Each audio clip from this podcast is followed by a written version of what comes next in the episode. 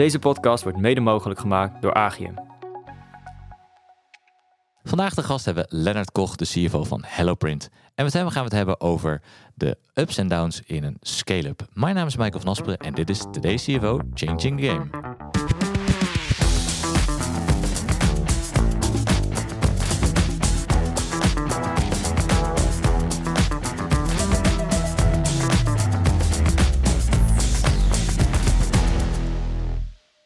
Lennart, welkom. Leuk dat je er bent. Dankjewel Michael. Leuk om, uh, leuk om hier te zijn en uh, in de, deze setting wat ervaring uit te wisselen. Ja, ja we gaan het uh, met jou vandaag hebben over jouw tijd bij, bij HelloPrint. waarschijnlijk nog niet voor iedereen even bekend, maar daar gaan we zo meteen wel verder op, op in. en je bent naar CFO sinds... Sinds bijna zes jaar. Dus als we terugtellen, december 2017 begonnen. Kijk, ja. en er is uh, veel gebeurd in, uh, in die tijd. Er is in uh, zes jaar is er een hoop, hoop gebeurd. Dus genoeg over ja. te vertellen wat er... Daar gaan we het zo meteen over hebben. En um, um, naast CFO, wie is Lennart nog meer? Wie is Lennart nog meer? Lennart is naast CFO ook padelfan. Dus ik mag, eh, mag graag op de padelbaan staan. Ooit begonnen als tennisser, maar eh, in de loop der jaren toch eh, naar padel overgestapt. Omdat het nou, ook voor de fysiek wat, wat makkelijker te, te handelen is op, op zelfs op mijn leeftijd. Padellen voor de hype? Nee, nee, nee, padellen voor de intrinsieke motivatie. Nee, maar meer voordat de hype. Ja, nee, zeker. Dus we zijn al een, jaar vier, vijf bezig. Ja, okay, ja. Dus altijd getennist en nu vol op padel en ook gewoon weer les hebben. Dus vanavond heb ik weer mijn les van mijn Spaanse padelleraar raar. Uh, het is erg leuk om je uh, ook nog uh, ja, weer op een nieuwe sport verder te ontwikkelen. En nou, kijken of je daar net zo goed in kunnen worden als in tennis. Maar dat valt nog niet mee. Ja. Want je moet toch alles wat je geleerd hebt weer afleren, hoe, hoe raar het ook is. Maar, dus dat is, dat is Lennart privé.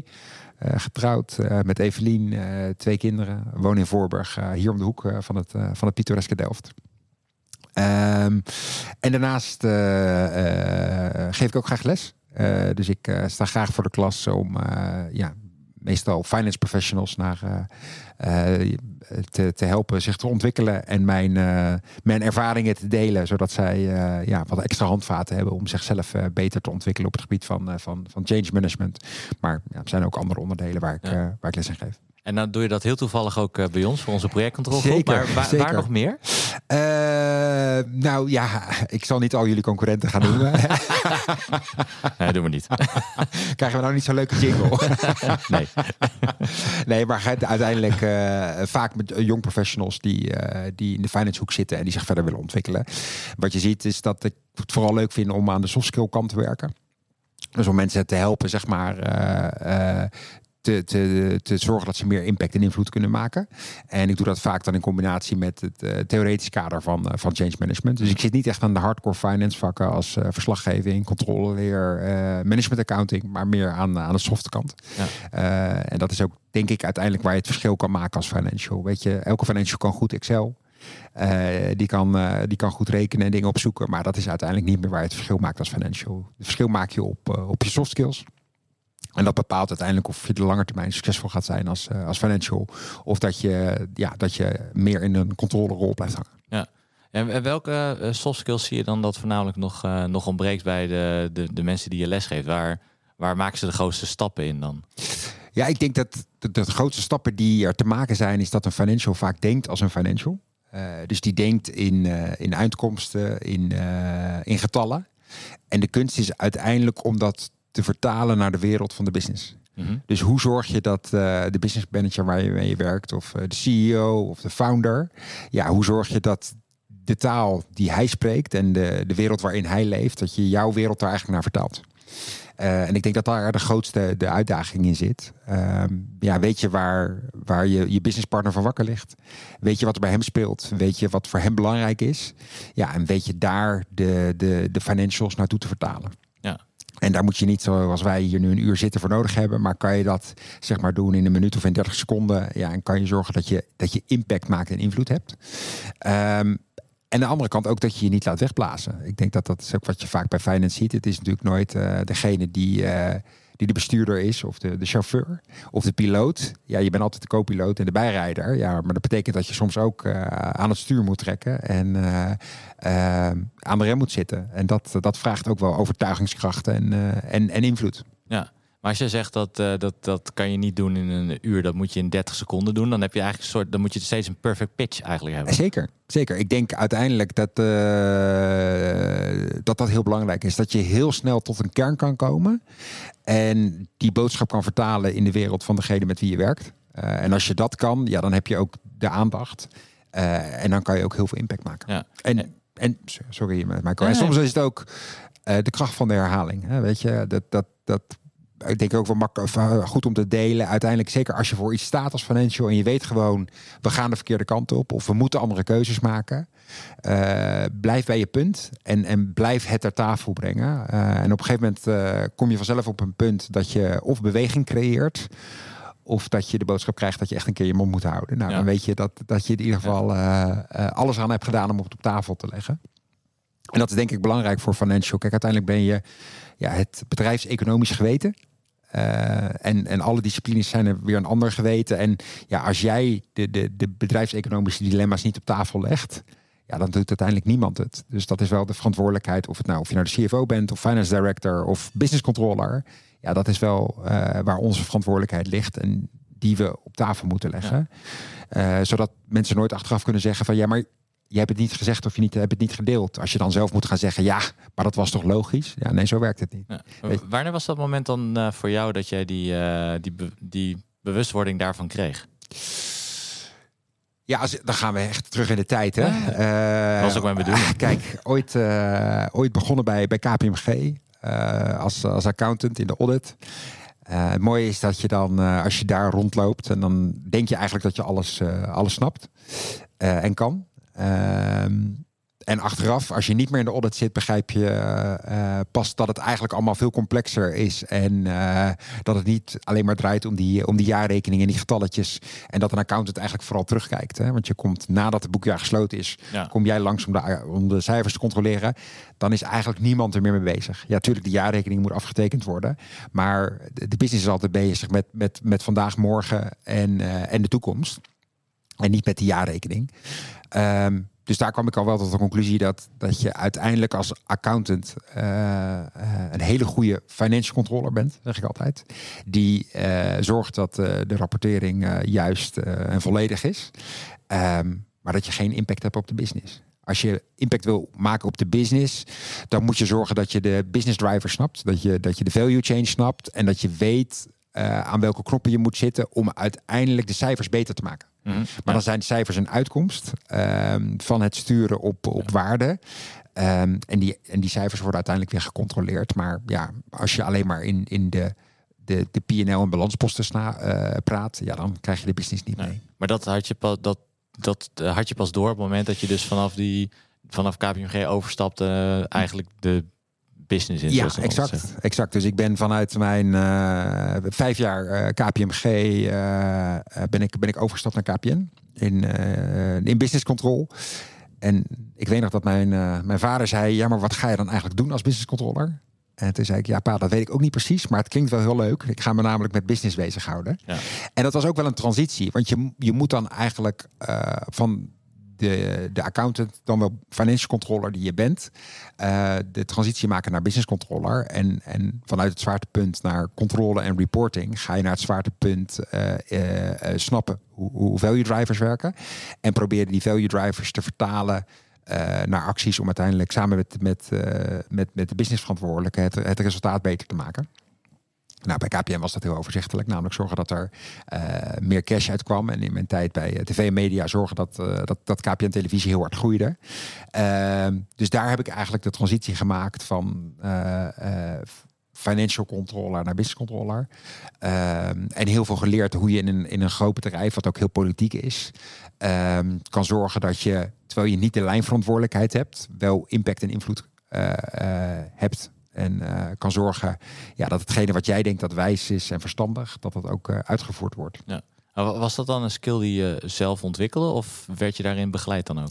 Nou, daar werden we bij binnen KPN wel heel erg in begeleid. Dus we hadden um, ja, we, gaan nu, we gaan nu 16 jaar terug, maar daar was een duidelijke split werd er gemaakt tussen accounting, financial control, wat tegenwoordig FP&A is, en, en business control. En vanuit de skills werd daar heel erg gekeken van oké, wie heeft de competenties om succesvol te kunnen zijn als business controller? En daar werden wel heel veel training op gegeven. En ik denk dat daar de essentie zit. Ik denk dat als je kijkt naar de klassieke opleiding van een financial, zit het heel erg op de hard skills, op de inhoud.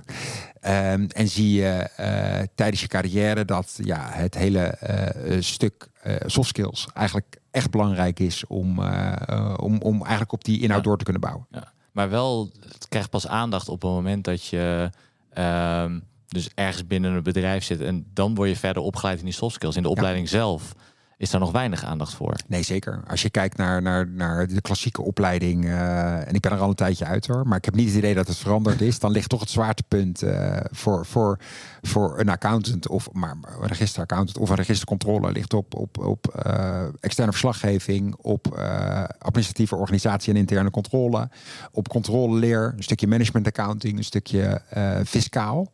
Maar uiteindelijk het vak, hoe overtuig je mensen? Hoe neem je mensen mee? Hoe vertel je een verhaal? Een stukje storytelling. Ja, is eigenlijk geen onderdeel van het, uh, van het curriculum. Nee.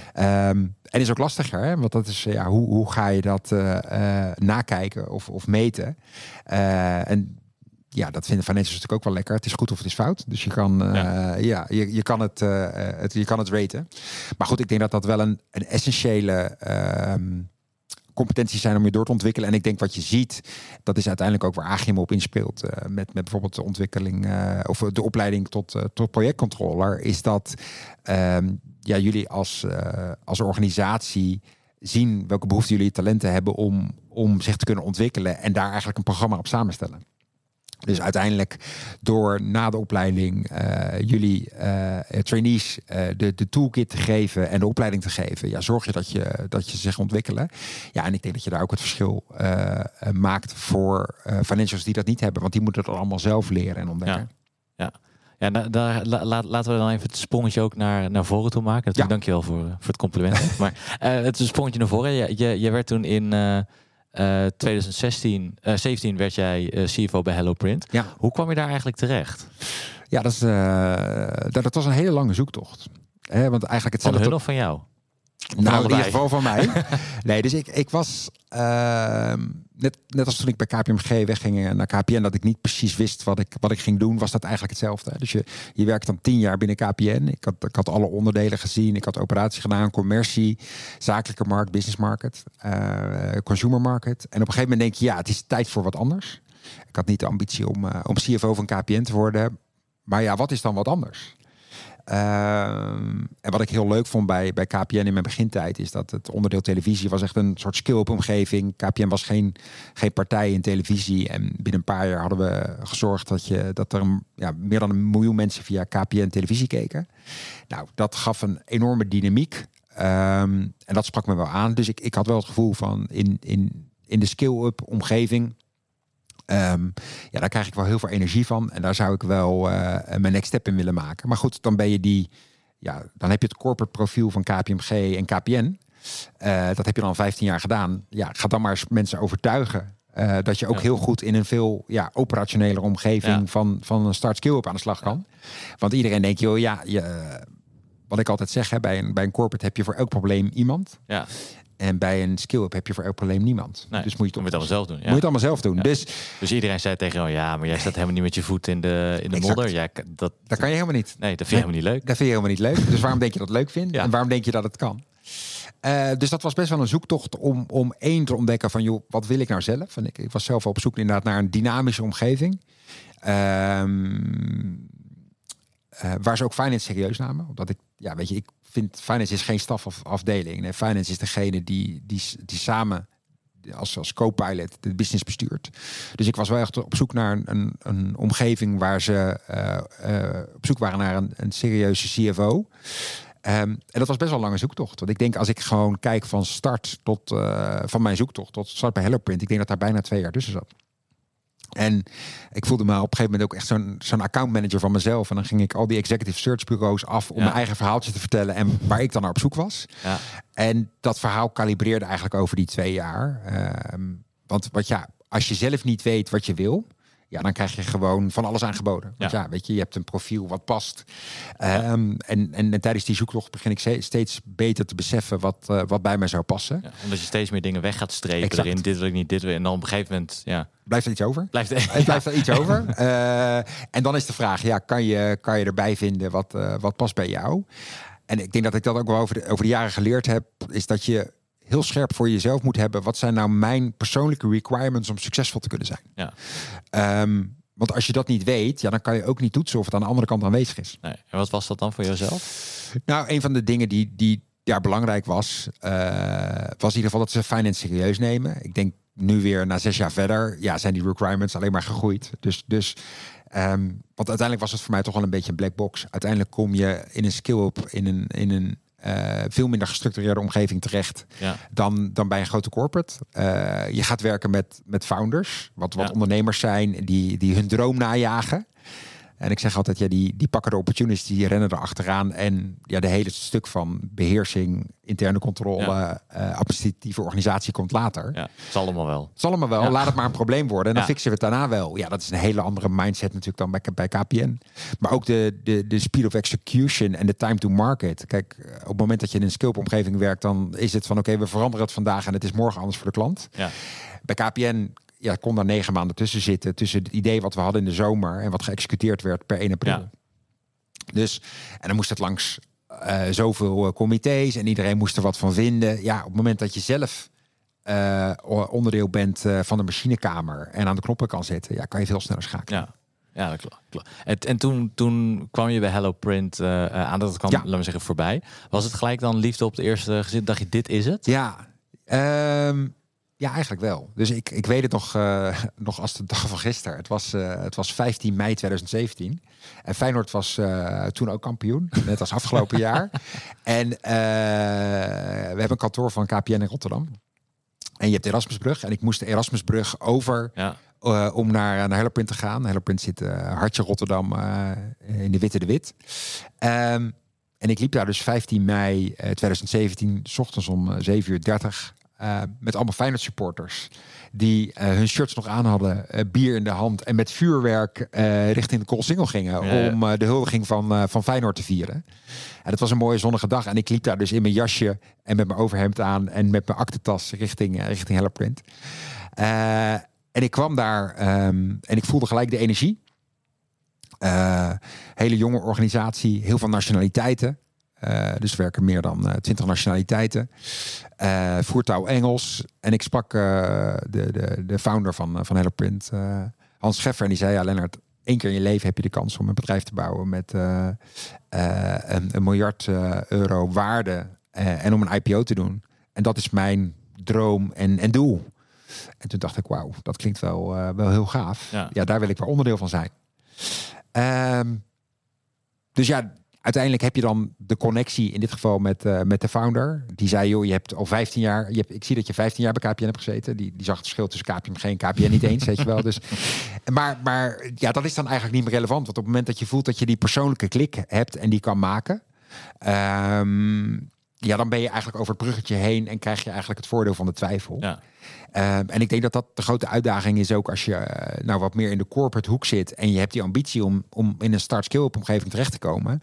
Ja, je moet de kans, één, je moet de skillset hebben om succesvol te kunnen zijn. Je moet je heel bewust zijn waarvoor je kiest. Want ja, uh, het hele, alles wat geregeld is, is er niet. Dus ja, je moet het, je moet het zelf doen. Je, dat moet je heel leuk vinden.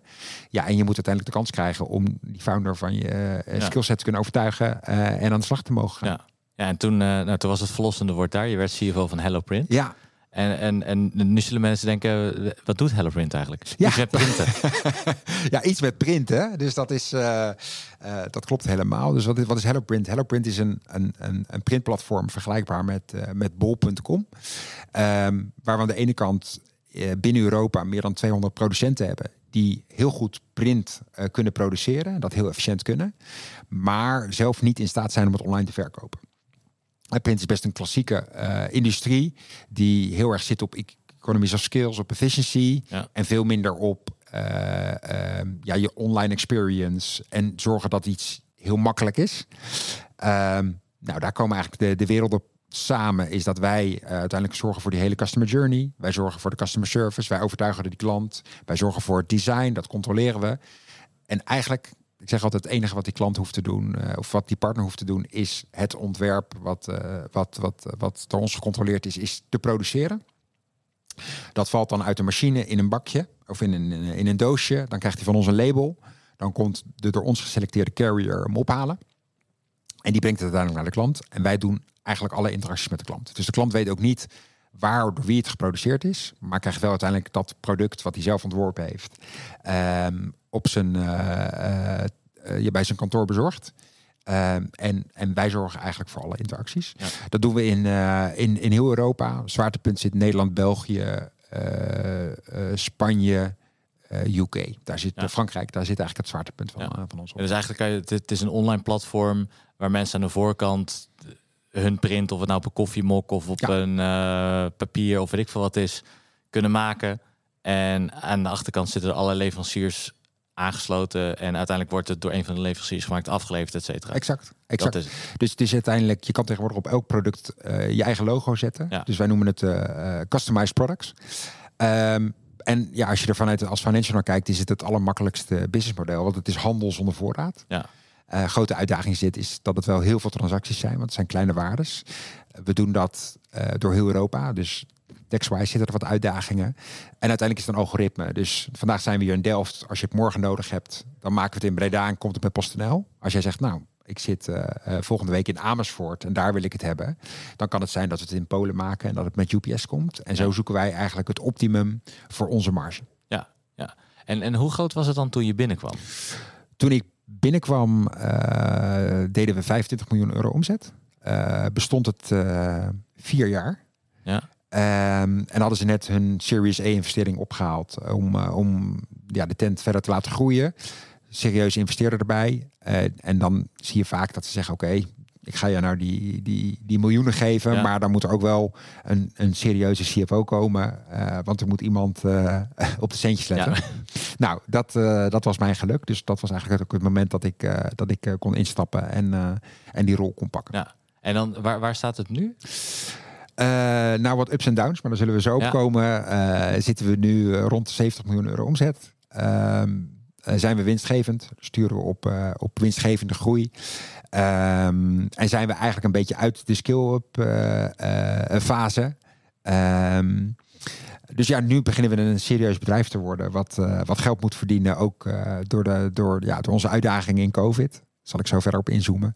Ja. Um, en ja, zijn we een se serieuze partij in het, in het Europese speelveld. Ja. En eigenlijk het enige platform customized products in, ja. in Europa. En, en is de IPO nog steeds iets wat, wat een droom is? Of is dat nu... Ja, de IPO is ver weg. Uh, is, blijft een droom. Ik denk, uh, kijk, als financials heb je een, een aantal vinkjes uh, die je wil, wil, wil zetten. En een IPO is, is wel een van de, nou, waarschijnlijk de, de, vinkjes die het minste voorkomt. Maar nee, als die, als die optie op tafel komt, dan zou ik die zeker nog ja. met, met beide handen aanpakken. Ja. En dan laten we even naar de, de, de ups en, en de downs gaan. Ja. Is, je kwam binnen. Ja, ik kwam binnen en toen was, was, er? was het eigenlijk uh, aan de ene kant heel overzichtelijk. Hè? Dus wat ik zeg, de, de, het, het businessmodel werkte. Dus ja. ze zagen dat, dat ze uh, via online marketing tegen een acceptabele investering klanten konden kopen. Um, en dat de lifetime value van die klant vele malen hoger was dan de investering. Ja. Uh, begon in Nederland, daarna uitgebreid naar, naar België, Spanje, UK. En overal lukte dat spelletje. Ja. En dan zie je eigenlijk, uh, nou dat, dat, dat is natuurlijk uh, het proofpoint voor ieder model. Heb je een, een platform wat je heel snel Europees kan schalen. Um, want uiteindelijk zijn er twee manieren om te groeien organisch. Zelf klanten acquireren of partijen overnemen. En eigenlijk wat je ziet is die, die, die, de omzet van HelloPrint over de afgelopen tien jaar, nu 70 miljoen, is eigenlijk compleet organische groei geweest.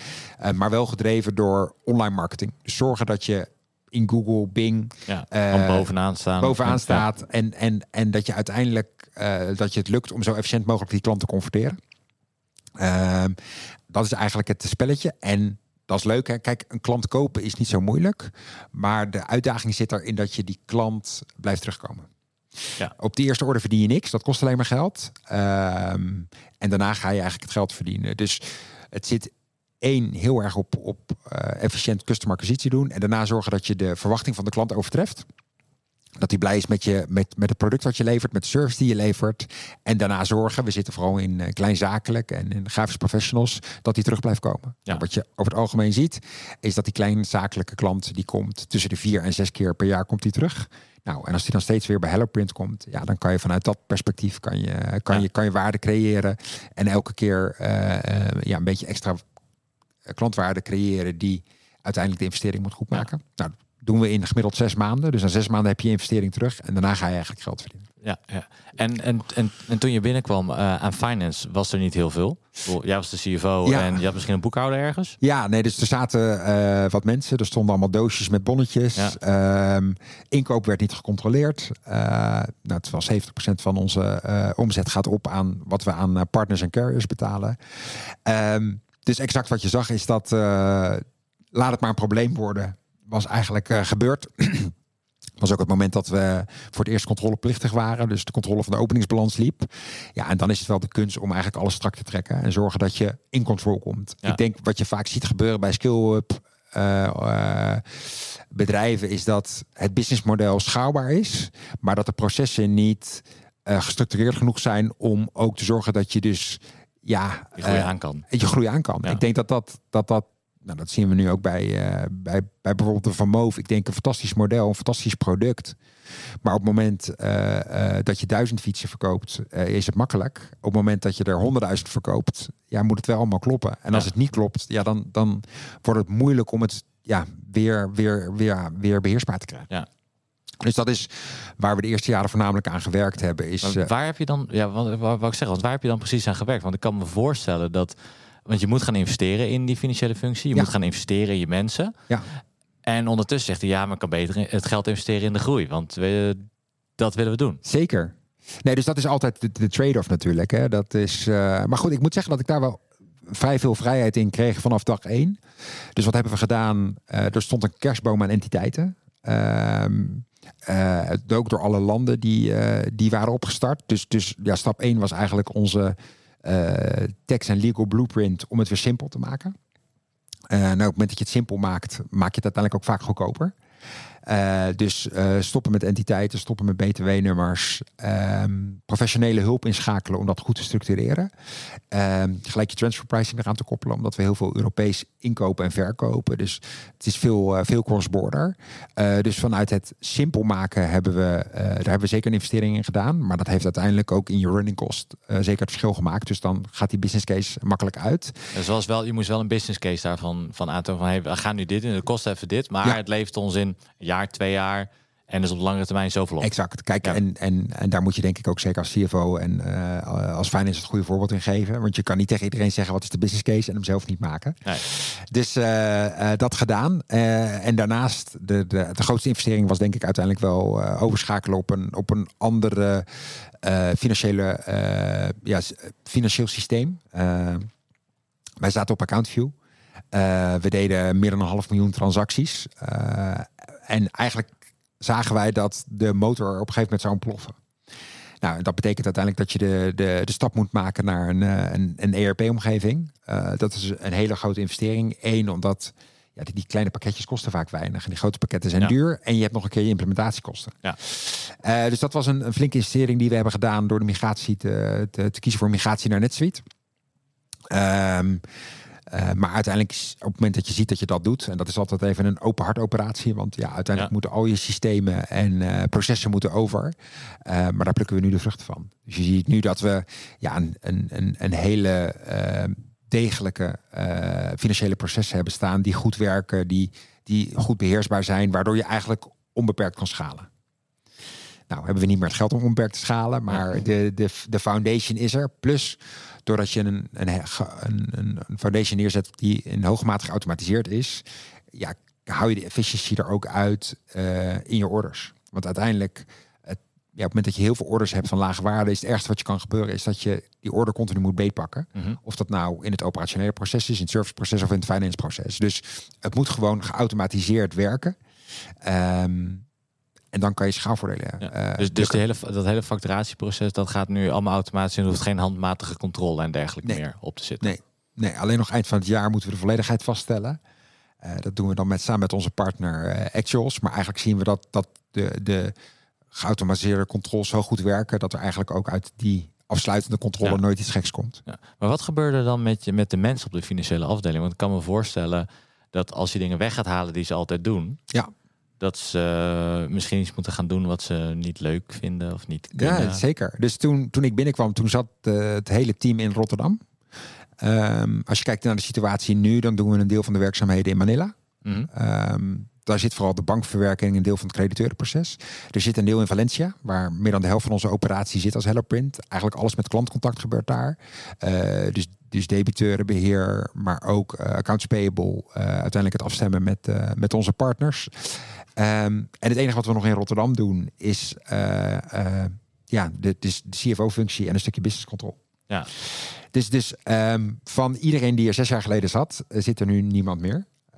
En hebben we eigenlijk de hele organisatie opnieuw opgebouwd en zo efficiënt mogelijk gestructureerd van ja, als we het kunnen automatiseren en kunnen outsourcen, gaat het naar Manila. Op het moment dat er klantcontact is of leverancierscontact, Valencia. En voor het tactisch strategisch stuk doen we in Rotterdam. Ja, dus echt de bewuste keuze dat alles wat naar, naar Manila toe gaat, dat, dat is, ja, ik wou zeggen domme werk, maar dat ja, klinkt nou, niet. dat klinkt. zo, eh, zo bedoel ik het natuurlijk niet. Maar nee, waar in ieder geval geen klantinteractie voor Ja. nodig is. Ja, en wat je, wat je eigenlijk. Kijk, en ik denk dat.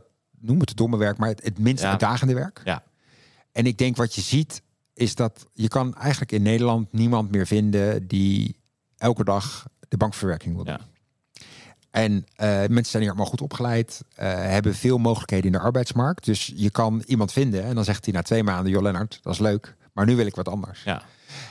Het voordeel van Manila is, is dat wat dat betreft, ja, dat daar nog iets anders is. Dat mensen daar eh, tevreden zijn om gewoon ja, elke dag de bankverwerking te doen. Ja.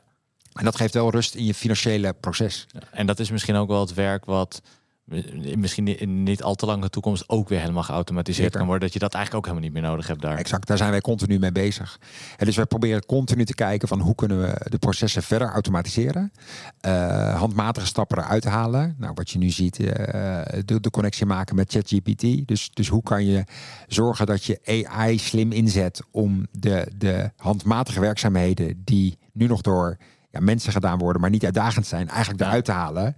Eh, omdat er eigenlijk ook geen toegevoegde waarde zit, maar wel veel kosten. Ja, ja. Dus jullie zijn ook actief met ChatGTP nu Ja. bezig. Zeker, heel veel. Waar Eh, zet je dat nu? heb je een concreet voorbeeld waar je dat nu echt voor gebruikt? Nou, ehm, een mooi voorbeeld is, is dat wij de ehm, een groot gedeelte van onze omzet gaat op aan onze partners. Ehm, maar de, en die, die factureren per orderline regel. Ja. Dus dat betekent dat wij, eh, we hebben 700.000 orderlines per jaar. Daar hebben we een eh, verwachting van, onze sol en de werkelijkheid wat op de factuur staat, de East. En die vergelijken we met elkaar.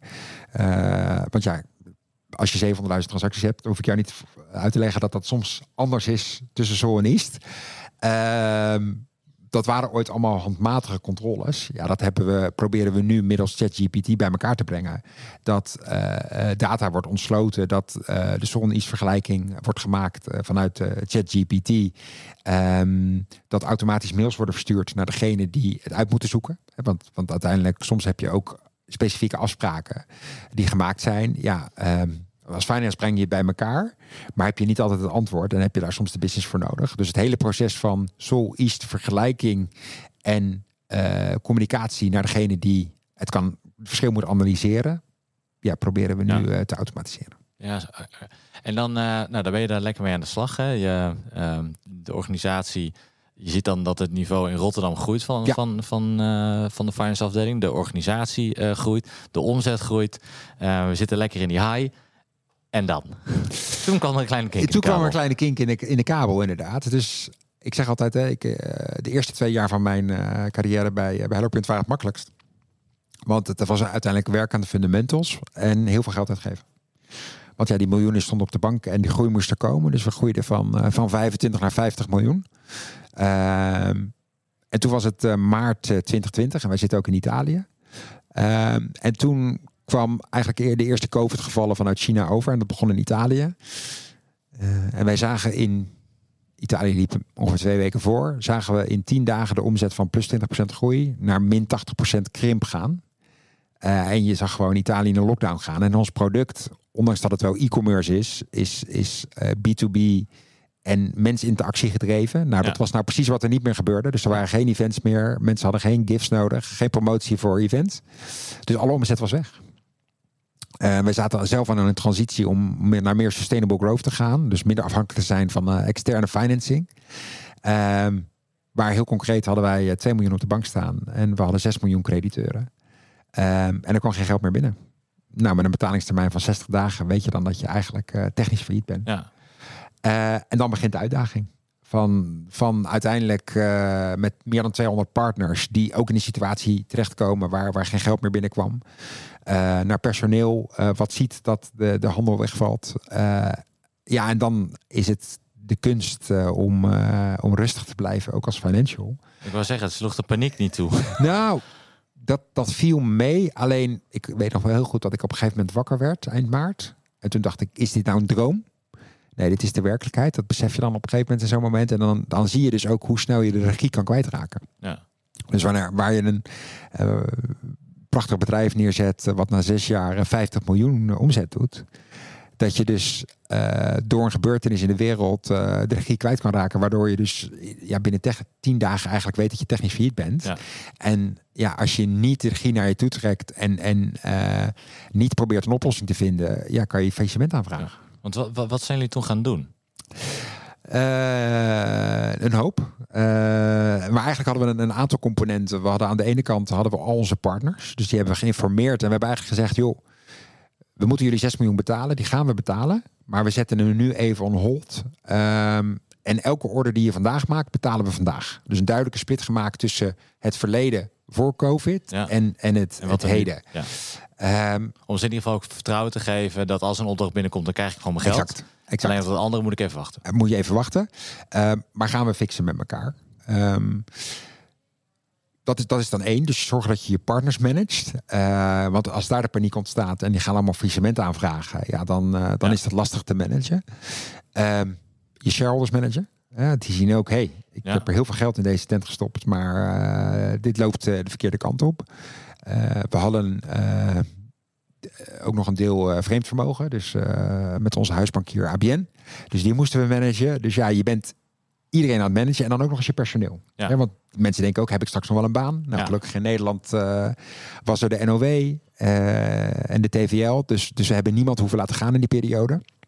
Maar we zijn eigenlijk, ehm ondanks dat iedereen thuis aan het werk was, zaten wij met een man of zes op kantoor. In een soort boiler room van ochtends 8 tot 's avonds 12. En dan ging ik in een lege metro naar huis. Ja, om het eigenlijk met elkaar te fixen. Eh, en we hebben dat gedaan door, eh, door een aantal componenten. Door met, met al onze eh, 200 plus partners een crediteurendeal eh, te sluiten. Ehm, en hun eigenlijk de keuze te geven van wil je nu eh, je geld voor een deel?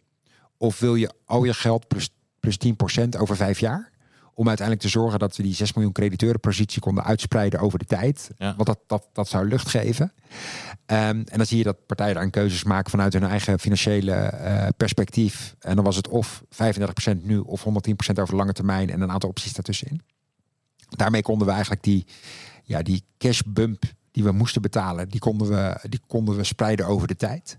Ehm, en een deel van de, de partners heeft ook een, eh, een haircut genomen daar. Ehm, dus dat, dat, dat helpt dan uiteindelijk om, eh, om je totale verplichting te managen. Hoe, hoe, hoe zorg je er daar dan trouwens ook voor dat, dat je partners ehm, het vertrouwen hebben dat je eh, die 100 plus 10 procent dan, dan straks uit kan Ja. betalen? Want dat is natuurlijk ook wel, ja, dat kan Ja, ik dat wel is een hele goede maar vraag. Nee, ja, dat, dat, dat, kijk, uiteindelijk zie je wel als platform dat je een hele close eh, band hebt met je partners. Dus je kent ze allemaal persoonlijk. Ehm, en ja, het belangrijkste is daar om te blijven communiceren. Blijven uitleggen. En wat we in die periode ook gedaan hebben, is ehm, eh, uiteindelijk een faillissementsadvocaat zeg maar onderdeel maken van het team. Zodat je precies weet wat je aan het doen bent. Wat wel mag, wat niet mag.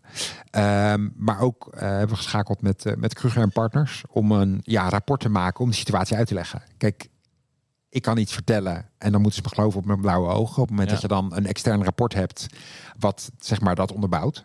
Eh, dat helpt uiteindelijk om, eh, om je partners te overtuigen. Eén, wat de situatie van vandaag is.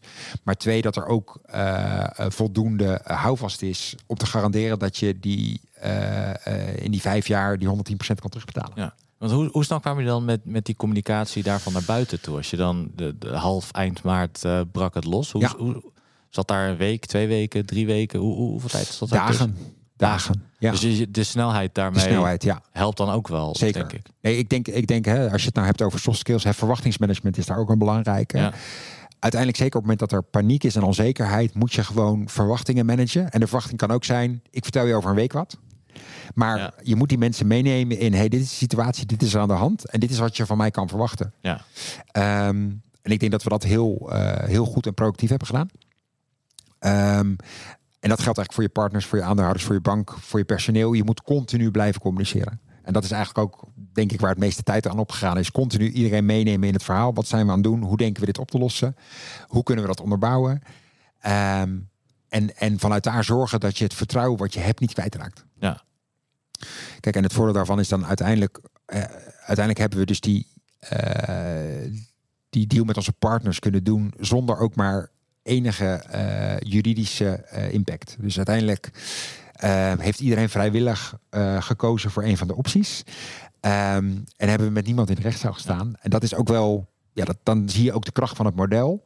Ehm, om vanuit de andere kant geredeneerd. Ja, zij weten ook, HelloPrint is voor hun een saleskanaal. Een kanaal waar ze online wat alleen maar groeit, waar ze zelf niet heel goed in zijn. Dus uiteindelijk voor hun ook ehm, afscheid nemen van Ja. HelloPrint betekent ook afscheid nemen van een toekomstig deel van je omzet. Ja, ja, de wederzijdse afhankelijkheid is daarin heel groot Ja. eh, met elkaar. Ja. En eh, kreeg je dan ook vragen van, gaan jullie ook ingrijpen in de eigen organisatie en kosten snijden? Zeker. Hebben jullie dat ook, ook gedaan of moeten doen? Nou, we hebben eh, door de dekking die we hadden van de NOW, konden we daar, had het eigenlijk niet heel veel zin om, om daarin te snijden. Maar we hebben wel in die periode elk dubbeltje omgedraaid Ja. en elk factuurtje omgedraaid om te zorgen dat je de kosten minimaliseert. Eén, omdat er ook geen cash meer was, maar twee, ook om het goede signaal te geven. In Spanje, waar een groot deel van onze organisatie zit, hebben we eh, hetzelfde moeten doen. Daar was de regeling iets anders.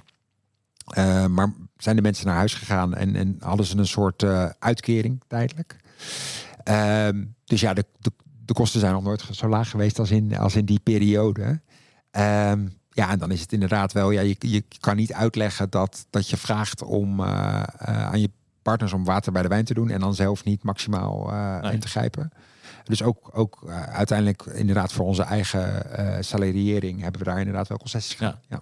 En uiteindelijk, jullie zakten van 50 miljoen omzet terug naar... Nou, we zijn, in die eerste weken ging er 80% vanaf. Dus Ja. we deden normaal een miljoen per week en dat werd twee ton. Ehm, we zijn uiteindelijk met alle lockdowns op en neer zijn we in negen. Even kijken, in eh, wat was het? 20 zijn we uitgekomen ongeveer rond de 40. Dus we gingen van 52 naar 40. Dus er ging 12 miljoen af. Eh, en uiteindelijk in 21 zijn we uitgekomen op 45 miljoen. En steeds als er een lockdown was, dan was de omzet weg. Ja. Eh, dus ja, dat was op en neer, op en neer. Ja, en toen kreeg je natuurlijk ook op een gegeven moment, op het moment dat we eerst hele strenge lockdowns en Ja. dergelijke. En dan was we, eh, er gebeurt helemaal niks meer. Naar, ik moet altijd even denken wanneer wat nou ook weer was. Maar in 2021 dat we weer dingen mochten. Ja. En er gingen weer dingen open. En eh, we gingen langzaam weer wat events organiseren. En toen zag je weer een enorme spurt omhoog. Zag je alles terugkomen. Dus vanaf Q4 21, toen eigenlijk de maatregelen eh, langzaam maar zeker steeds minder werden.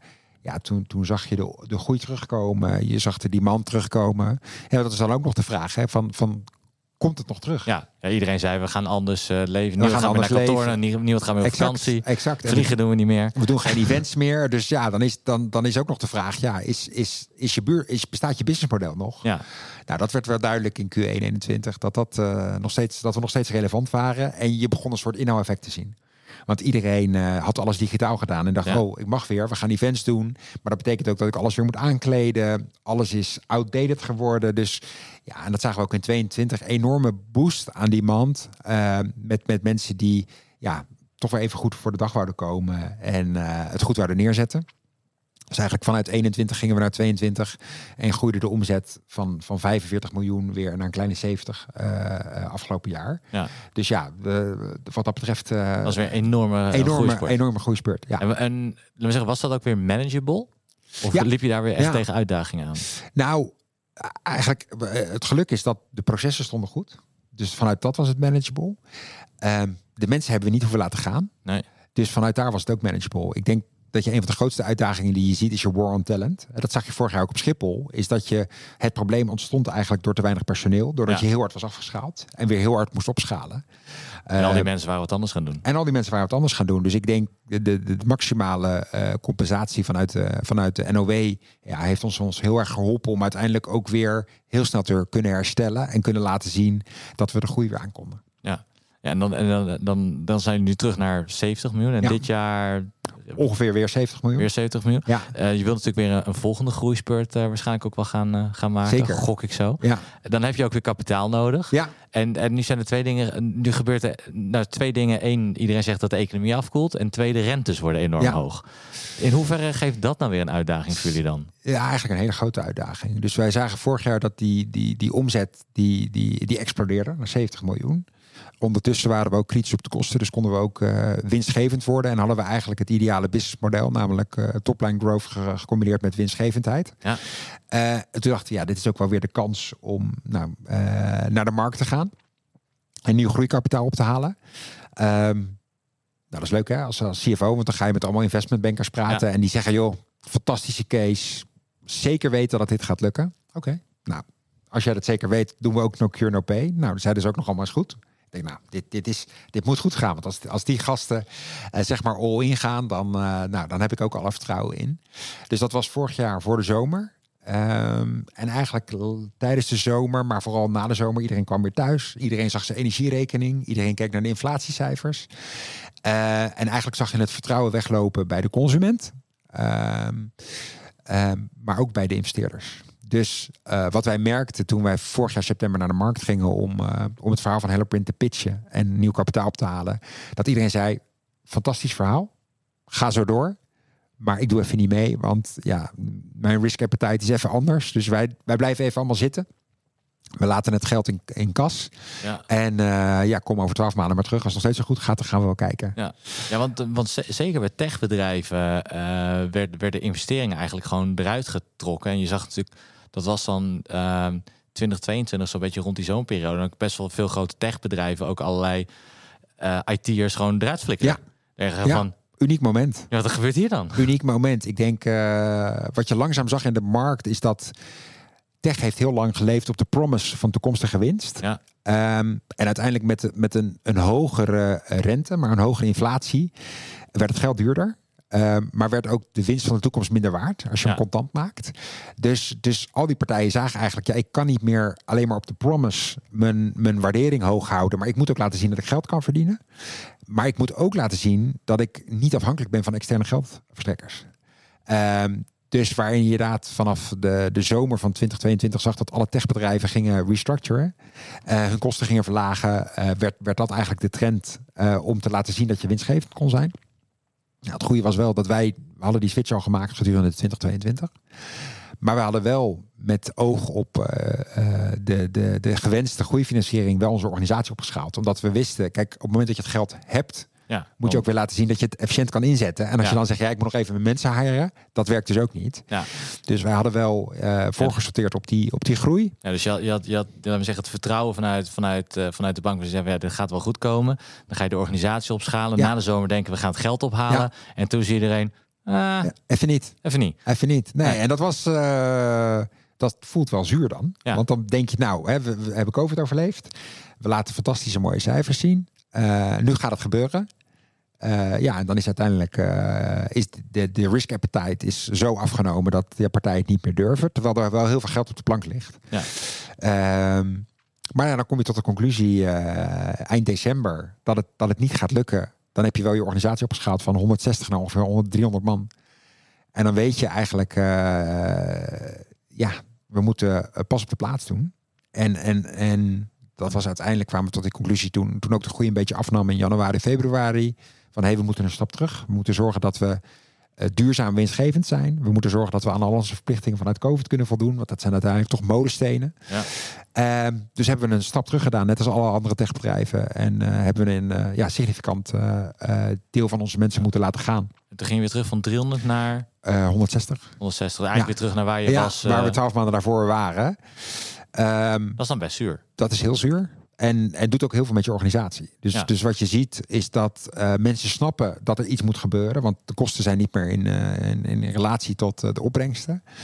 Maar ja, zeker in een hele internationale organisatie... Waar, waar mensen veel expat hebben en, en hun sociale leven is ook hun werk. Ja, en op het moment dat al 40% van de mensen moet gaan... is het alsof je toch 40% afscheid moet nemen van 40% van je vrienden. Ja. En dat is niet leuk, dat is pijnlijk. Ehm, ja, en dat doet wel even pijn. Ja. Dus ja, En- daar en- hebben we echt wel even last van gehad. En er wa- was geen andere manier om, om het kapitaal te krijgen om alsnog die groei te maken? Of zou dat de manier zijn die te kostbaar werd? Ja, kijk, wat je ziet is dat, dat uiteindelijk eh, van kapitaal ben je afhankelijk van, eh, van banken of van aandeelhouders. Ja, Eh, onze aandeelhouders zeiden van nou, er zit eigenlijk wel genoeg in. Eh, dus wij, wij, wij passen. Ja. En de bank zei eigenlijk ook van ja, weet je, zorg eerst maar dat je IBDA maakt. Dan wil ik je wel meer lenen. Dus ja, dat was eigenlijk ook geen keus. Je, je moest een stap terug doen in je kosten om te laten zien dat je winstgevend genoeg was. Nu zitten we weer in een andere situatie, maar ja, dit was eigenlijk de enige optie die we hadden. ja. En, en als je nu dan kijkt naar, eh, naar, naar de komende jaren toe, hoe willen jullie toch die groeiambitie gaan, eh, gaan halen? Is dat dan 1, 2 jaar even, even zwarte cijfers schrijven en dan hopen dat de markt weer gunstig wordt? Of Ja, dat is een goede vraag. Dat is, dat is een beetje het dilemma waar we in zitten. Kijk, ik denk dat de wereld nooit meer gaat worden zoals die was. Dus op de promise van ik word ooit winstgevend eh, eh, miljarden of miljoenen krijgen. Of je nou een flitsbezorger bent of, Ja. of wie dan ook. Dat gaat gewoon niet meer lukken. Nee. Daar is het geld gewoon te duur voor. Dus zolang die, die rente hoog gaat zijn, zou je winstgevend moeten zijn. Want het geld is gewoon te duur. Ja. Ehm, dus ik denk dat we vanuit een, een gezonde basis, eh, en dat betekent uiteindelijk gewoon goede IBA draaien, eh, zeker kunnen bijfinancieren en nieuw geld kunnen ophalen. Ehm, maar die extreme groei die we de eerste tien jaar hebben gerealiseerd, ja, dat zal niet zo snel terugkomen. Hè. Dan deden we 40, 50, 60 procent groei per jaar. ja, Ja, dat vraagt gewoon heel veel geld. En die drukt uiteindelijk je IBDA. Dus Ja. doelstelling nu is, is duurzame eh, groei. Eh topline 10% en eh IBDA harder dan 10%. ja, Eh, om te zorgen dat er gewoon eh, voldoende geld uitkomt. Ja, je komt ook in een andere fase terecht. Dus we hebben altijd gekozen om organisch te groeien. Ja, we zitten nu ook in een fase dat je kan, kan kijken van ja, kan ik inorganisch groeien? Ehm, uiteindelijk met HelloPrint zijn we maar een stukje van de value chain. Eh, dus ja, je kan ook kijken verder in de value chain zijn er partijen die je kan, kan toevoegen aan het platform. Eh, zijn er kleinere platformpjes die je kan toevoegen om uiteindelijk meer via een, een, een, een, een buy-and-build strategie toch, Ja. toch, toch ook te groeien. Wat vaak weer makkelijker te financieren is, want dan neem je activiteiten over die er al zijn. ja, ja. En, en daarmee zou je voor private equity misschien wel een gewilde prooi kunnen, Ja, kunnen zijn met een buy and build strategie. zeker. Nee, zeker. Ik denk dat dat, dat, dat waar wij altijd meer in het venture capital hebben gezeten en, en growth equity, dat, dat je ziet dat de casus HelloPrint nu meer richting PE gaat. Voorwaarde van PE is 9 van de 10 keer positief IBDA. Nou, Ja. dat, dat, dat lukt goed. Ehm, plus waardecreatie. Dus nee, ik denk, denk als je kijkt de film waar we in zitten, dan is PE logischer dan, eh, dan venture capital. Ja. Ja. Zou, zou dat zelf ook iets zijn wat je, wat je weer een interessante zou vinden va- vanuit je eigen carrière om, om voor een private equity bedrijf te werken? Zeker. Ik denk dat eh, de uitdaging als financial is altijd om, om je te blijven ontwikkelen. Eh, een van de, de core values van HelloPrint is ook design yourself. En ik geloof daar heel erg in. Eh, en ik merk inderdaad dat dat, dat stukje van, eh, van het speelveld heb ik nog nooit gespeeld. Daar zit weer hele andere dynamiek. Ja, en ik zou het wel heel leuk vinden om daar me verder in te verdiepen. En, en ook dat spelletje onder de knie te krijgen. Ja. Ja. En nou, nou in, in, in dit hele verhaal, want je hebt met een ondernemer te maken. Ja. Nou zou je aan het begin van het verhaal dat je je kunnen verdiepen en verplaatsen in, nou, in, in, in, in, zeg je, je counterpart, dus in jouw geval de, de, de ondernemer, is een belangrijk iets om iemand te kunnen overtuigen.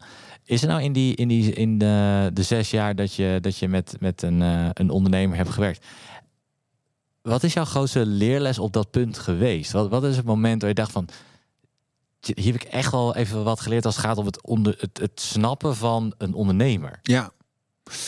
Ik denk eigenlijk continu. Ik denk eh, als je misschien dat een financial en een founder dan wel ondernemer, dat dat misschien wel tegengestelde zijn. Hè, waar, waar de financial toch vaak wel denkt in kansen, maar ook wel vanuit risicobeheersing, eh, ziet de ondernemer eigenlijk altijd de kansen. hè, en is, is misschien altijd iets te optimistisch, waar de financial altijd iets te pessimistisch is. En samen moet je daar een, uh, een gemeenschappelijk beeld op vinden. Dus ik denk dat je elkaar heel erg versterkt als je het onderling vertrouwen hebt. Ja. dus durf je op elkaar te vertrouwen uh, vanuit, vanuit verschillende perspectieven. Uh, en weet je elkaar te vinden. En uh, gaat dat soms met, met strijd? Nou, strijd ook soms, maar het is, het is meer je visie met elkaar delen en je elkaar overtuigen. Um, dat je bewust bent van elkaars film waar je in zit. Maar, de, maar is, er, is er een voorbeeld um, die je kan of durft te geven uh, van ik dacht dat ik het snapte, maar ik snapte hem toch niet helemaal? Uh, nou, ik denk zeker de, de, de, dynamiek um, in een cap table. Dus dynamiek met shareholders. Ja. En uh, daar was ik mij, voordat ik bij HelloPrint begon, totaal niet bewust van dus dan kom je binnen en dan weet je, oké, er zitten een aantal partijen in. En dan denk je, iedereen heeft dezelfde visie, namelijk het beste voor het bedrijf. Ja, de praktijk leert dan wel wat het anders is. Ja, en, daar zit het verschil tussen wat een shareholder is en wat eigenlijk de ondernemer is. Exact, exact. En dan, dan zie je uh, heel, heel ja, zoals gezegd dat de shareholder vanuit zijn eigen belang denkt. En dat de founder vaak denkt vanuit, uh, vanuit de tent, wat namelijk vaak ook zijn kindje is. Ja. Uh, dus ja, dat, dat heb ik wel moeten leren. Om, om te snappen wat die dynamiek is, wat ieders agenda is. Uh, en welke complexiteit dat met zich meebrengt. Uh, ja, dat is een van de leerzame lessen van de afgelopen zes jaar. Ja, ja. Uh, heb, je, heb je dan trouwens ook een. heb je iemand dan waar je regelmatig mee sparde in de afgelopen jaren buiten de organisatie? Om af en toe juist dit soort dingen te kunnen reflecteren, op, op, op te reflecteren? Jazeker. Dus ik, ik probeer sowieso veel contact te hebben met andere CFO's. Hè, omdat je vaak uh, in, hetzelfde, uh, in dezelfde film zit. Zeker met, met, met Sculp CFO's. Die hebben, die hebben veel te maken met dezelfde dynamiek. Want er is namelijk altijd een geldschieter, er is een founder. Er ja. moeten de ambities ingevuld worden. Dus, dus veel sparren met CFO's die in, in dezelfde film zitten helpt. Um, ja, en daarnaast, wat, ik, wat ik zei, hè, in, een skill-up ehm, is er voor elk probleem niemand. Dus zorgen dat je hier uh, goede um, netwerk hebt met trusted advisors is super belangrijk. Ja. dus of dat nou uh, voor legal is, voor tax, uh, voor audit, voor corporate finance, whatever. Zorg altijd dat je hele goede mensen om je heen verzamelt. Dat als het echt complex wordt, dat je hele specialistische kennis kan inroepen. Ja. Um, want uiteindelijk weet je als, uh, als financial best een hoop. Maar de devil is altijd in die detail. Ja, ja klopt. En je kan niet alles tot in detail weten wat dat exact. betreft. Nee, exact. exact. Ja, ik vind dat, ik vind dat mooie laatste wijze woorden. We hebben uh, uh, zo aardig wat dingen de revue laten passeren. We zijn ongetwijfeld wel dingen vergeten, maar dat... Laten we, dat, laten we dat voor een vervolg of voor één op één gesprek bewaren. Um, ik wil je hartelijk danken voor, voor je openhartigheid en je, voor je verhaal. Ik hoop dat je het zelf ook leuk vond en dat je ook kwijt hebt kunnen, uh, kunnen wat je kwijt wilde? Dat er nog dingen missen? Zeker. Nee, ik denk dat we, dat, we de, dat, we, dat we een hoop besproken hebben. Ik vond het super leuk om zo ervaringen te delen. En ehm, ja, als mensen vragen hebben, dan kunnen ze me altijd DM'en via LinkedIn of whatever. Dus dat, dat, gaat wel goed komen. Gaat goed komen. Gaat goed. Nou, dan wil ik je hartelijk danken hiervoor. En ik hoop dat mensen ook wat aan jouw inzichten hebben. En ja, dan wens ik jou veel plezier uh, bij, bij de toekomst met, uh, met HelloPrint. Helemaal goed. Dankjewel Michael. En uh, leuk om hier te zijn. En dankjewel voor de uitnodiging. Vond je dit nou een leuk gesprek en wil je meer verhalen horen van CFO's? Volg ons dan op ons Agium kanaal.